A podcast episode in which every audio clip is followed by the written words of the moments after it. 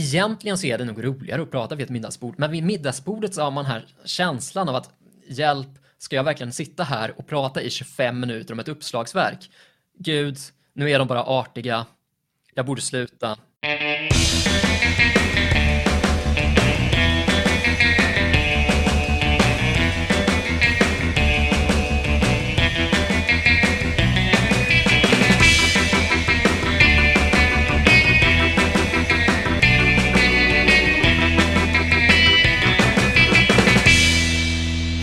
Välkomna till Wikipedia-podden, din 200-falt återkommande nyhetskommentator om världens största uppslagsverk. Jag heter Jan Ainali. Jag heter Magnus Olsson och har skrivit, om Wikipedia, skrivit på Wikipedia ska säga, sedan 2009. Senaste veckan så har jag läst en bok. Och det var en bok som faktiskt handlade om Wikipedia och som av en händelse så är bokens författare med oss då. Johan, varsågod. Ja, hej, jag heter Johan Jansson.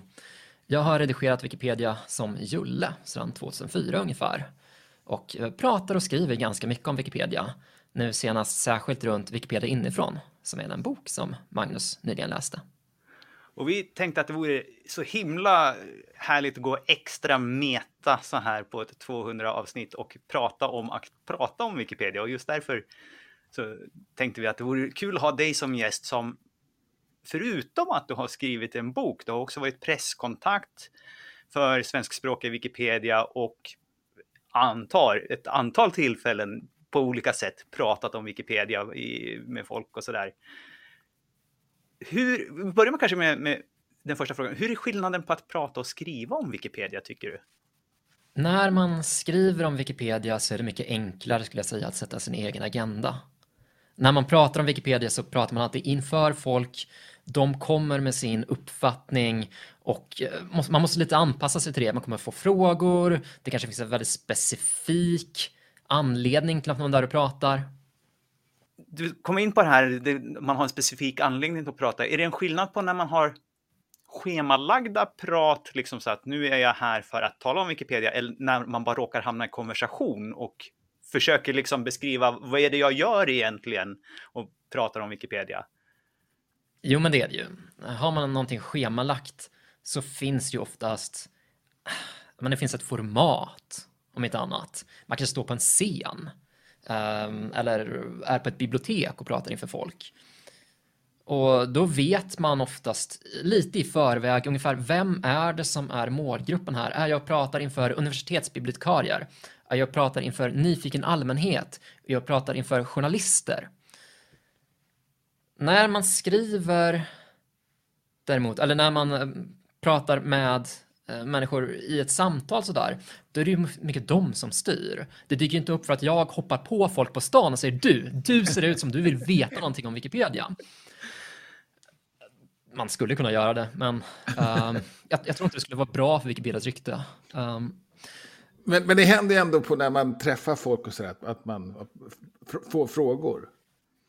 Ja, men precis. Och det är ju det är de som styr. Ja, mycket mer än om jag kommer och håller en föreläsning. Då visst är det någon som har sagt hej, vi är journalister, vill veta det här om Wikipedia. Mm. Eller hej, vi är bibliotekarier som har försökt anpassa lite efter det. Men det är ändå väldigt mycket att jag har lagt upp någonting. Om jag däremot hamnar i en eh, konversation med någon eh, på ett mingel, en fest, eller vad, middag eller vad det än handlar om. Då är det ofta, de har läst någonting, de har försökt göra någonting på Wikipedia, de har sett någonting som ser konstigt ut och så är det en fråga om den här specifika saken. Eller, eller också är det nästan helt blankt bara, att man, man känner till Wikipedia men man har aldrig riktigt tänkt på vad som händer, att det händer någonting bakom kulisserna. Den bara finns där som en resurs. Liksom. Så, mm. som, som vilken, vilken som helst. Och, och, jag tycker, det svåraste tycker jag är att förklara ja, redaktionen då, eller gemenskapen, eller alltså det här att, att, att vi samarbetar och pratar med varandra och tycker saker och osams och att allt det där händer bakom kulisserna, det, det tycker jag är det svåraste att, att, att förklara. Därför att, förmodligen för att jag själv tycker att det är ganska obegripligt. Det är ju ganska diffust också. Uh, det här med att vi inte har särskilt mycket formella processer för det, utan allting bygger på konsensus och så pratar man lite, så pratar man lite till och försöker någon sammanfatta. Så är man inte helt överens om den här sammanfattningen, så det blir en konsensusdiskussion om sammanfattningen. Jag tror det hade varit mycket enklare om det hade funnits en tydlig redaktion. Här är tio pers, de bestämmer. Ja. Här är det ju mer, vill du vara med och bestämma, men dyk upp i samtalet så länge som du kan förhålla dig till de normer och regler som finns så kan ju du vara en del av det här lika mycket som alla andra. Mm. Ja, det hade varit enklare att förklara om det hade varit tio stycken i redaktion, men det hade ju inte varit lika roligt heller. Nej, gud, och det hade ju varit mycket sämre uppslagsverk. Ja, och det har ju visat sig också. Ja, det är just den, den modellen som är svår, tycker jag, att försöka få folk att förstå att det finns inte en person som tar ett beslut. Det finns sällan ens man kan säga att någon har tagit ett beslut. Det är oftast bara någonting pragmatiskt att okej, okay, nu har vi kommit till, nu har vi diskuterat så mycket, men vad gör vi med det här som vi pratade om? Det som vi ville ändra på i artikeln eller i våran policy. Och så kan det ändra sig och rivas upp en dag senare eller ett år senare eller tio år senare. Och inte sällan så händer ju ingenting heller. Så. Eller så kommer man fram till någonting lite sådär som okej, okay, det var fyra personer som bestämde sig för någonting i en diskussion 2008 lite hastigt. Och sen sitter det som berget. För nu har man bestämt för att nej, men nu är det här en av reglerna vi lever efter. Och så är det jättesvårt att rucka på. Mm. Och det är ju naturligtvis, eller jag tycker det är svårt att förklara. Mm. Och överhuvudtaget att det uppkommer, att det, att det finns bara. Jag är heller inte så van vid gemenskaper och sådär i övrigt på, på nätet. Jag, jag vet inte, ni kanske kommer från en annan båda, båda ni två kanske kommer från andra sammanhang där också finns gemenskaper och man diskuterar sig fram. Jag har ägnat ganska mycket tid uh, i min späda ungdom. Jag började redigera Wikipedia när jag var 17 så det fanns inte jättemycket utrymme att ha stor erfarenhet sedan tidigare. Men ändå, jag hade hängt mycket på diskussionsforum och sådär på ja, internet. Det var det jag menar. Där en... finns ju en gemenskap. Man pratar, man behöver inte vara överens där. Nej, precis problemet med Wikipedia är att till slut så måste vi trots allt komma fram till någonting, för det kan bara finnas en artikel om ämnet. Vi kan bara ha en lösning. Ja, fast ibland har vi två på något sätt ändå. det finns lite olika lösningar på det, att vi gör olika olika artiklar, bara är det samma i varje och sådär. Mm. Så att, eh, ja, men jag tror att du, Johan, du är inne på den viktiga grejen där att de flesta andra forum som jag har hängt innan, det är ju mest mest för att umgås, inte för att producera någonting samtidigt. Mm. Ja, och, och, då blir det ju en annan sak. att ja, det, det enda egentligen man bestämmer sig i det är vilken, vilken ton det får hållas i diskussionen och så kan det komma en moderator och säga stopp eller slänga ut någon som inte sköter sig. Men det är sällan att liksom det... Man, diskussionerna kan ju pågå i evighet, för oftast är det därför man är där. Fundera på hur, hur hamnade du i det här med att, att börja bli, vad ska man säga, då, extrovert eller vända det utåt från gemenskapen och, och, och vända det till allmänheten? Oj, bra fråga. Jag har ju ägnat väldigt mycket tid, särskilt de senaste 12 åren kanske, åt att försöka förklara Wikipedia för allmänheten. Eh, det finns många som har skrivit mer artiklar än jag har, många som har gjort fler redigeringar. Ganska få tror jag som har lagt så mycket tid som jag har gjort på att försöka förklara vad är det vi gör egentligen, hur funkar det här? Jag tycker om att förklara saker. Det, det är ju grund till varför jag redigerar Wikipedia från första början. Så att det föll sig lite naturligt att jag då också försökte förklara Wikipedia, men det fick ju då ha en annan målgrupp. Jag tycker om att skriva. Jag tycker om att eh, förklara saker inför andra människor. Så att jag skriver ju inte bara om Wikipedia, jag skriver ju artiklar om annat också. Men som en skrivande människa så har det ju då varit väldigt lätt att ägna mycket tid åt att skriva om just Wikipedia som jag lägger så oerhört mycket tid på det här. Och, och, och vart vänder du då? då? Var, det, var det eh, blogginlägg av privat karaktär eller var det uppdrag från Wikipedia Sverige? Eller? De där första åren så skrev jag dels så har jag haft Wikipedia-bloggar ett tag. Jag har också skrivit för olika tidskrifter och tidningar om Wikipedia ganska länge. När jag började så var det väl att jag sökte upp specialtidningar, specialtidskrifter och sa hej, ni som skriver om Kina. Vill inte ni ha en artikel om hur svenskspråkiga Wikipedias artiklar om Kina ser ut? Eller så närmar jag mig Ottar till exempel som skriver om sexualupplysning. Så sa jag, hej, jag skulle kunna skriva om hur eh, sexartiklar på Wikipedia ser ut. Och så gjorde jag det här med ganska många olika variationer på olika platser. Där jag hade i grund och botten lite samma upplägg. Det var ganska lätt att skriva de här olika artiklarna gång på gång. För allt jag ville var ju egentligen att presentera hur Wikipedia fungerar för ytterligare en målgrupp. Och sen så kunde jag då få med det här, hur har just ert intresseområde behandlats på Wikipedia som en ursäkt för att få göra det. Nästan lite strategiskt låter det, men...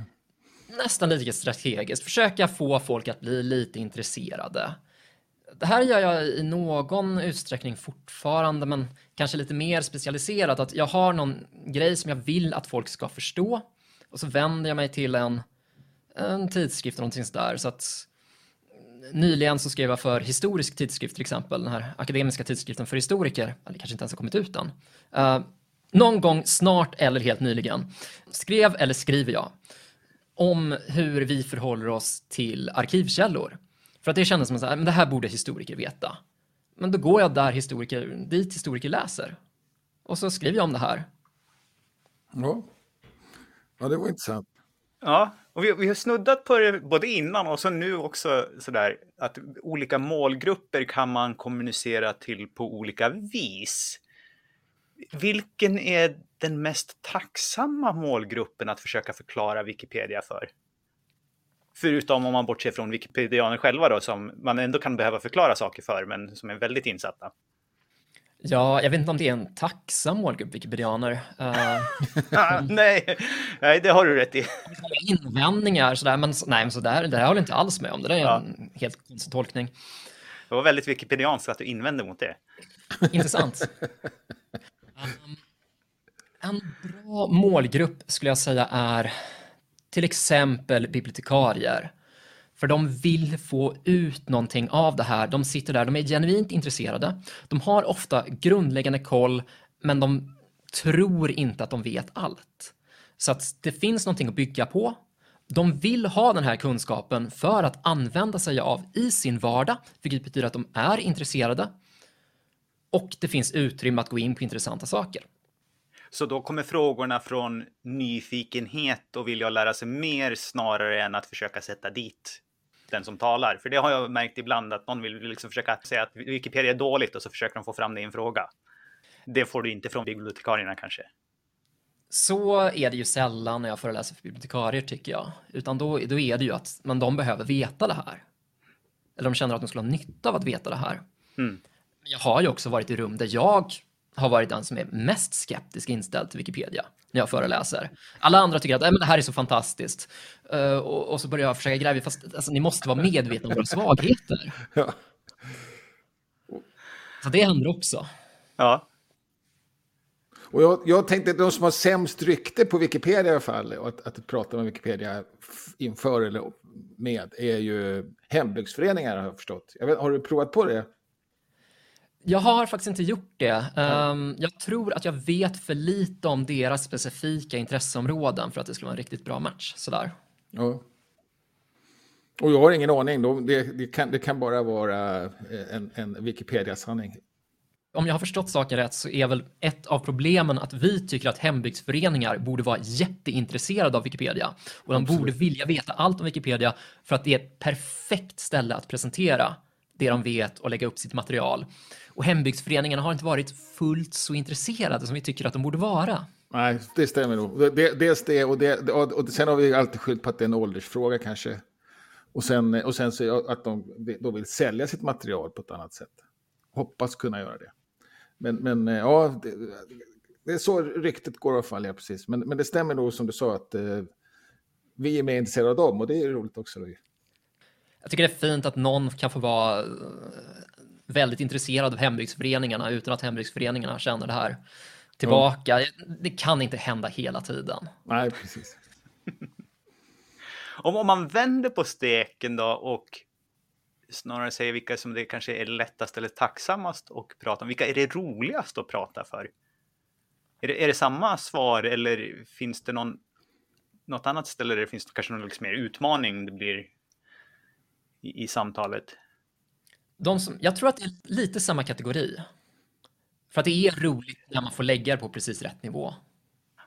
Och är det roligare att hålla ett sånt prat eller, eller liksom ett framförande eller en presentation än ett samtal vid ett middagsbord? Egentligen så är det nog roligare att prata vid ett middagsbord, men vid middagsbordet så har man här känslan av att hjälp, ska jag verkligen sitta här och prata i 25 minuter om ett uppslagsverk? Gud, nu är de bara artiga. Jag borde sluta.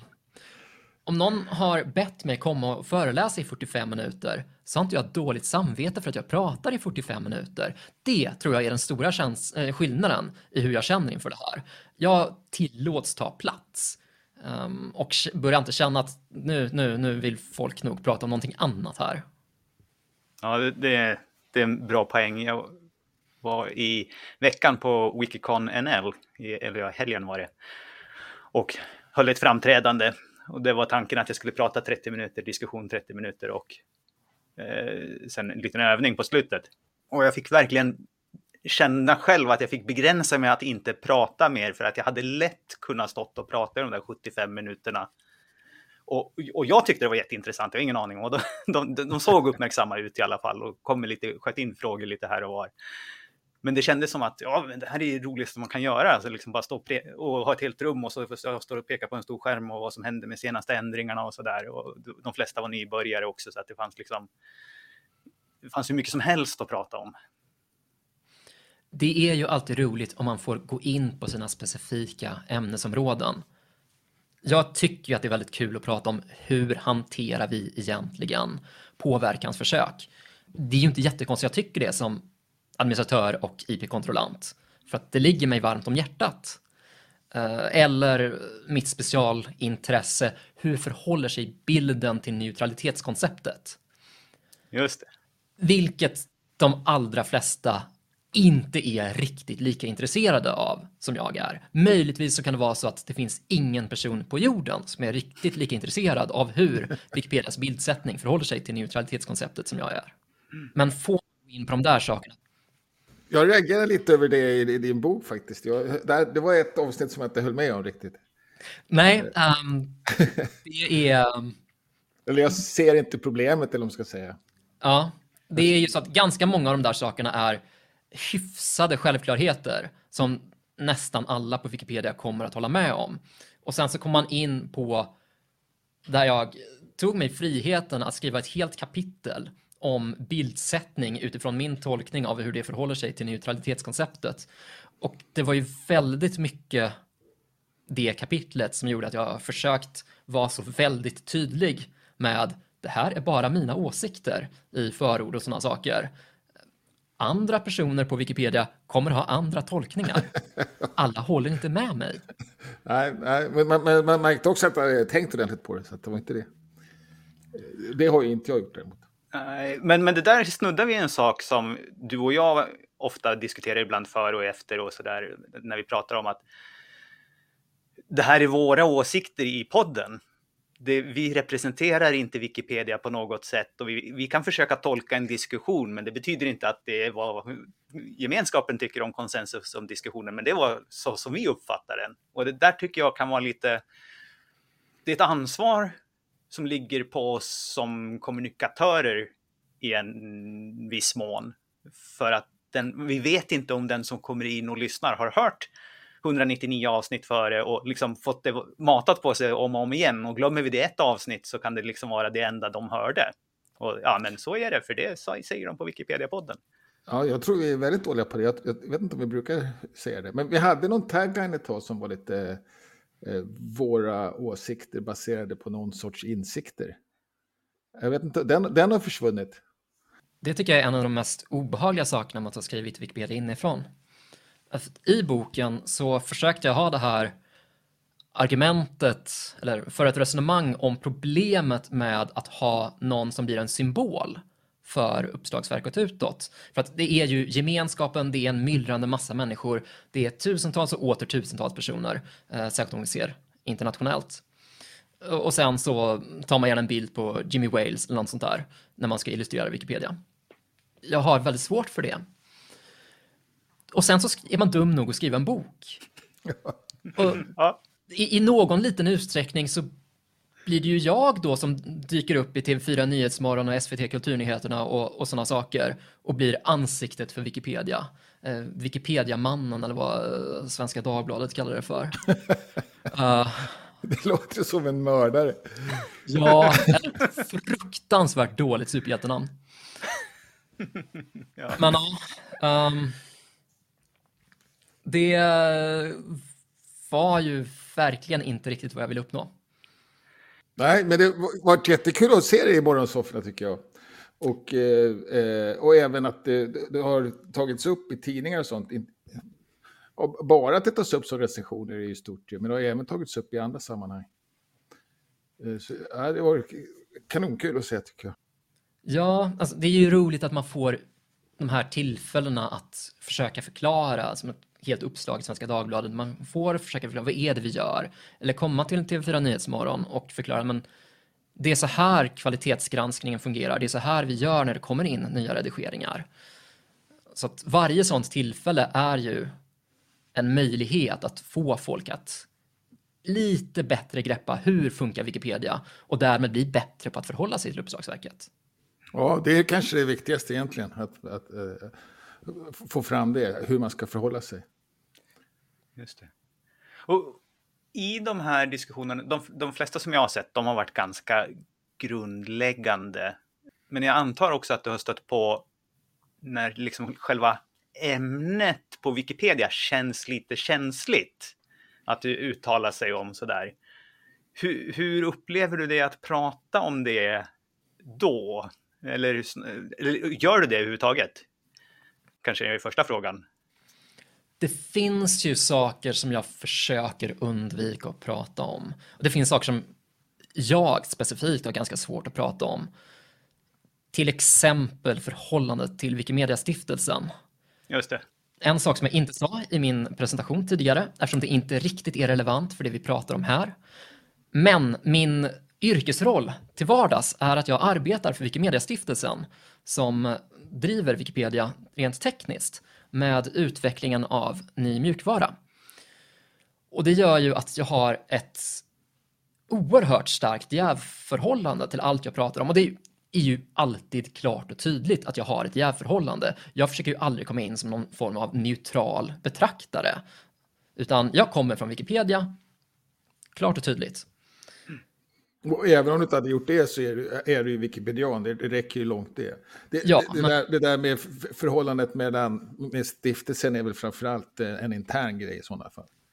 Det är det, men det blir det också svårt att om att ibland försöka, om jag får någon fråga om det där, så kan mm. det vara svårt att, att hantera riktigt. Uh, för då måste man gå in på mitt i en intervju kanske, att ja, förresten, och så vidare. Så det brukar jag försöka styra bort ifrån också för att jag väldigt gärna vill särskilja de här två personerna. Att jag har två användarnamn, jag är två olika personer på Wikipedia och helst så ska de inte riktigt vara i samma rum. okay. och, det, och det är också en relation som är, är, är väldigt krånglig att, att, förklara. Det är en relation som är jättekrånglig att förklara. Just för att man då måste förstå, okej, okay, men exakt vad är det ni gör? Obetalt. För om man greppar att men det finns faktiskt en professionell stiftelse bakom det här, då börjar man lätt tro att den gör oerhört mycket mer än den faktiskt gör. Precis. Mm. Men om man tittar på till exempel, jag har ju tillgång till halvkänslig uh, användarinformation eftersom jag är IP-kontrollant. Men det har jag ju inte genom min yrkesroll. Då skulle jag aldrig komma åt saker som vilket IP-nummer har någon som har redigerat. Utan att de där sakerna, att mycket av det som är känsligt och som kanske har större påverkan, men det är ju sånt jag gör på fritiden, inte på jobbet. Ja, det är fascinerande också, absolut. Nu måste jag nästan säga här, eftersom de inte var i samma rum, att vilken av de här två personerna är Clark Kent och vilken är Supermannen? Ja, men, Supermannen är ju, Clark Kent är ju förklädnaden och Supermannen är ju vem han egentligen är. Och jag tänker att då är det ju Julle, min eh, normala, eh, obetalda identitet som är eh, Supermannen. Stålmannen heter han väl på svenska. För att det är ju det, dels att han kommer först, dels för att det är så jag identifierar mig. Eh, jag, har ett, jag jobbar för Wikimedia Foundation, men det är ett jobb. Eh, jag är wikipedian, det är en del av min identitet. Mm. Ja, men det kan vi runda av med kanske. Om du har något mer, Jan? Ja, jag har en ja. sak till, en sak som du och jag brukar brottas med i, i, i podden. Och det är ofta när man kommer in i diskussioner om någonting som händer och så vill man inte hänga ut kanske en användare som har uttalat sig om någonting. Och det där det är någonting som jag tycker är, är svårt att brottas med för att och ja, visst, vi har inte vi har inte tusentals lyssnare på den här podden. Är det ett flertal tiotal så är, är jag nöjd. Men det känns kymigt, absolut. Det sen, ja, precis. Just den känslan att när man kommer in i någonting och så brottas man. Är det också någonting som du har stött på när du pratar om Wikipedia? Eller är det... Du kommer inte in så djupt kanske på, i diskussionerna? För det mesta så kommer jag inte in så djupt eftersom jag skriver för allmänheten. Så blir det ju mer abstrakt. Medan Wikipedia-podden, den försöker ju vara intressant för människor som kan väldigt mycket om Wikipedia. Och då blir det ju lite mer direkt konkret om de här specifika diskussionerna. Så att när jag tar upp infekterade diskussioner och ska peka på någon som har gjort någonting dumt, jag försöker att alltid ha mig själv som exempel. I Wikipedia inifrån till exempel så skriver jag om eh, prinsessan av Asturiens pris. Där vi hade en lång och lite väl infekterad diskussion om vart ska det här genitiv s egentligen sitta? Heter det prinsessan av Asturiens pris eller heter det prinsessans av Asturien pris? Ja. Och det här var en ganska det var en lite småfånig diskussion. Eh, eller diskussionen är inte småfånig. Men riktigt hur mycket känslor vi, vi lägger i det kan vara lite småfånigt när vi har ett helt uppslagsverk att bygga. Att det är här vi lägger vår tid. Så att när jag då ville peka ut någon så fick jag ju peka ut mig själv. För jag hade inte varit bättre än någon annan. Jag hade ju lagt väldigt mycket tid här. Men i övrigt så försöker jag väl att hålla det ganska abstrakt och anonymt. Om det är någonting dåligt och kanske nämna namn främst när folk har gjort bra grejer. Ja, det låter som en, som en vettig, ett vettigt förhållningssätt.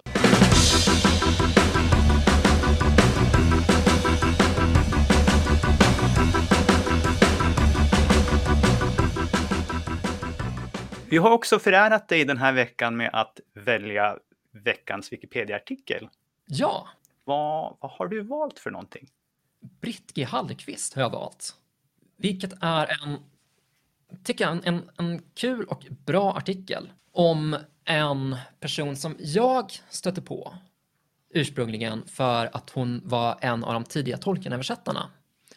Och länge så visste inte jag särskilt mycket mer om henne.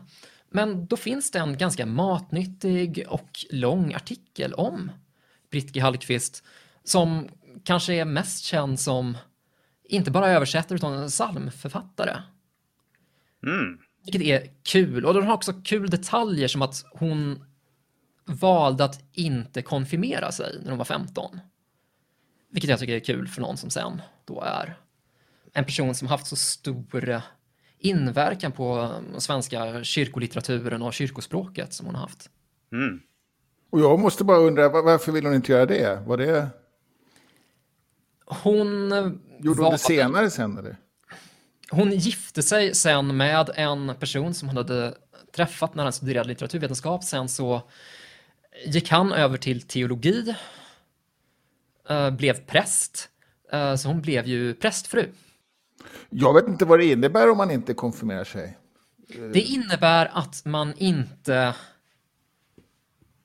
konfirmerar sin tro. Att inte konfirmera sig är att inte ta det vuxna beslutet att vara en ja, del precis. av den kristna gemenskapen.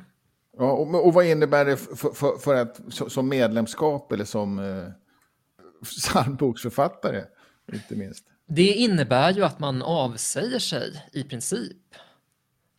Och den kristna tron, eller åtminstone inom ramarna för Svenska kyrkan, så vitt jag förstår det. Jag är inte expert på det här området. Men dopet är ju någonting som sker i barndomen. Och det är väldigt viktigt att vara döpt. Eh, eftersom det, eller har historiskt varit väldigt viktigt att vara döpt för att det är då man är upptagen i den kristna församlingen, det är då man kommer till himlen när man dör. Men utan konfirmationen så har det ju inte fattats ett vuxet beslut om att faktiskt vara en del av den kristna gemenskapen. Jag antar att det skedde någonting där mellan att hon var 15 och att hon började skriva salmer. Ja, Men riktigt exakt hur hennes kristna tro hade utvecklats, det går inte Wikipedia-artikeln så djupt in på. Nej, jag gjorde inte det. Ja, jag tänkte om du hade någon, kände till någonting. Ja. Det finns en lustig detalj här, eller lustig, men det ser lustigt ut på min skärm i artikeln. Och det är under psalmer där så, så räknas de ju upp och så är det ett helt gäng på samma rad med bara nummer som då sträcker sig ut. Eh, av, på, jag som har en mycket bredare skärm än vad Magnus har får ju allting till vänster och sen så kommer en lång radda med siffror. Det är lite udda att vi har lagt alla dem på en, en punkt som nästan bara har ett, samma värde som de andra som har fått sina namn utskrivna. Ja, det var konstigt. Men det är att de har nummer, de andra verkar inte ha det. Eller? Jo, det har de också. Ja, men de andra har ju också titlar ändå. Ja. I sina artiklar. Ja, men det tror jag bara är någon som inte har pallat riktigt va? ja, så kan det vara. Det är ju en um, rimlig förklaring ofta. Senaste Artikeln jag skrev var häromveckan var en översättning av den tyska uh, artikeln om den tyska inrikesministern. Och jag använde översättningsverktyget och jag är inte så jättevan vid att använda översättningsverktyget. Källorna följde i väldigt liten utsträckning med. Och när jag då insåg det här och snabbt skulle slänga in dem Alltså, jag har ju inte riktigt gjort en snygg lösning på det här. Jag har använt den automatiska hej, plocka ut informationen ur den här länken på i princip varenda källa. Och någon gång ska jag gå tillbaka och fixa det här, men tills vidare så ser det helt enkelt bara inte snyggt ut. Men, men du har ändå gått in på varje och eh, lagt till den med det här automatverktyget? Ja. Det är ju, det brukar ju räcka ganska långt ändå. Ganska långt. Eh, det är mest ett estetiskt bekymmer just nu. Men jag ja. tänker att det är mest ett estetiskt bekymmer det här också. Det som Jan påpekade. Ja, ja absolut. Informationen finns ju där. Det gör den ju. Det är väl, förmodar jag, tänker jag, att det, det är först när man försöker, ja, skulle du vilja ha den till en bra artikel, det är då man får gå in och börja pilla i de där grejerna. Men det är ju väldigt Wikipedia internt. Ja. Ja, jag har aldrig hört talas om den här kvinnan. Och det är kanske dåligt, det var mycket som hon hade skrivit alltså. Och nu missade jag vad du sa, varför du valde den. Var det har någon relation med, till, hennes, till henne själv eller till hennes verk? Jag eh, upptäckte henne som översättare av Tolkien. Hon var en av de ja, första Tolkien-översättarna. Ja, och eh, kände länge till henne nästan bara som det. Därför tyckte jag det var så roligt när jag insåg att, men vänta nu, det här är ju en människa som har levt ett rikt och stort liv och gjort så otroligt mycket mer än den lilla skärva som jag var medveten om. Så det gjorde mig så glad uh, att läsa den här artikeln när jag gjorde det en gång i tiden. Och ja. därför så vill jag ha den som veckans artikel. För det tycker jag att fler ja, förtjänade. Det tycker jag är en, en bra motivering. Fantastiskt bra motivering. Och det är en rekommenderad artikel tror jag heter, va? Den är en grön stjärna. Mm, det stämmer. Uh, och, och det, det, är någonting man sätter dit själv då i och för sig. Men, men den är ju väl källbelagd, absolut. Och, och, och väl uppdelad med biografier och verk och så. Jo, det är en fin artikel. Sen så kanske den inte lever upp till alla Wikipedia-krav på vad som är en bra artikel om vi ska gå igenom uh, den här formella processen för det. Men uh, jag tror inte att det stör läsarna. Nej, det, absolut inte. Tror jag duger och, och jag tror inte att det är ett stort steg heller för att komma dit, men det, men det, det ska jag ha osagt. Det, det, är många regler, så att det blir, jag gissar att det är förmodligen ganska mycket småsaker att putsa på, men att det behöver inte nödvändigtvis att alltså allting, det, rele, det relevanta om personen är det där, då är vi långt framme redan. Ja. ja. Tack Johan för att du visade oss den här artikeln och tack för att du ville vara med oss idag. Tack för att jag fick visa artikeln och tack för att jag fick vara med idag. Ja, och till tittarna, eller lyssnarna får vi säga att, det, att de får gärna dela våra inlägg i sociala medier så att vänner också kan upptäcka podden. Ja, och vi är tillbaka som vanligt nästa vecka, men innan dess till och med så kommer det ett bonusavsnitt på engelska i helgen från Wikimedia Mini Hackathon som var för två veckor sedan. Minsann. Så till dess, ha det gott, hej! Hej! Hej!